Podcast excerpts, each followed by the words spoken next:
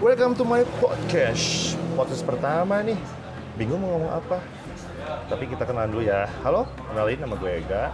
Sekarang gue lagi di DJ Ari Tepatnya lagi belajar tentang bikin podcast. Nah, bagi teman-teman yang lain juga sering bikin podcast nih. Tapi gue sekarang mau bikin konten tentang chartil.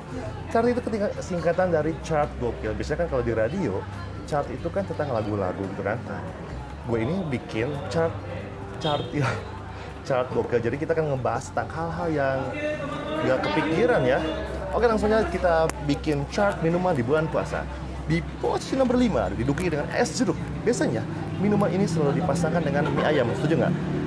Langsung masuk ke peringkat nomor 4 ada es campur.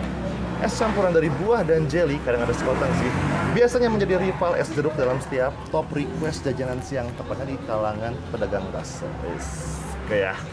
Langsung masuk ke posisi ketiga ada pendatang baru yang melesat ke posisi ketiga dalam chartil minggu ini. Dia adalah tea yang digadang-gadang menjadi kuda hitam masuk ke posisi ketiga.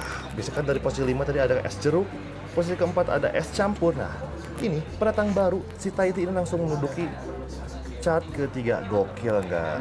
Langsung masuk ke posisi runner up kita masih bertahan dari minggu lalu. Dia adalah es buah Shanghai. Siapa sih yang suka es buah selain seger buahnya bisa miri terus murah mudah ditemui mudah di aduh harus lucu nih aduh apa?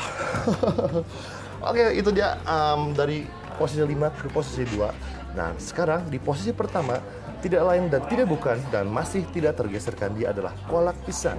Minuman yang setiap hadir satu tahun sekali ini selalu memiliki penggemarnya tersendiri. Setuju dong kalau misalkan tiap bulan puasa pasti kolak ini menjadi sesuatu yang apa ya kayak dicari-cari tiap orang.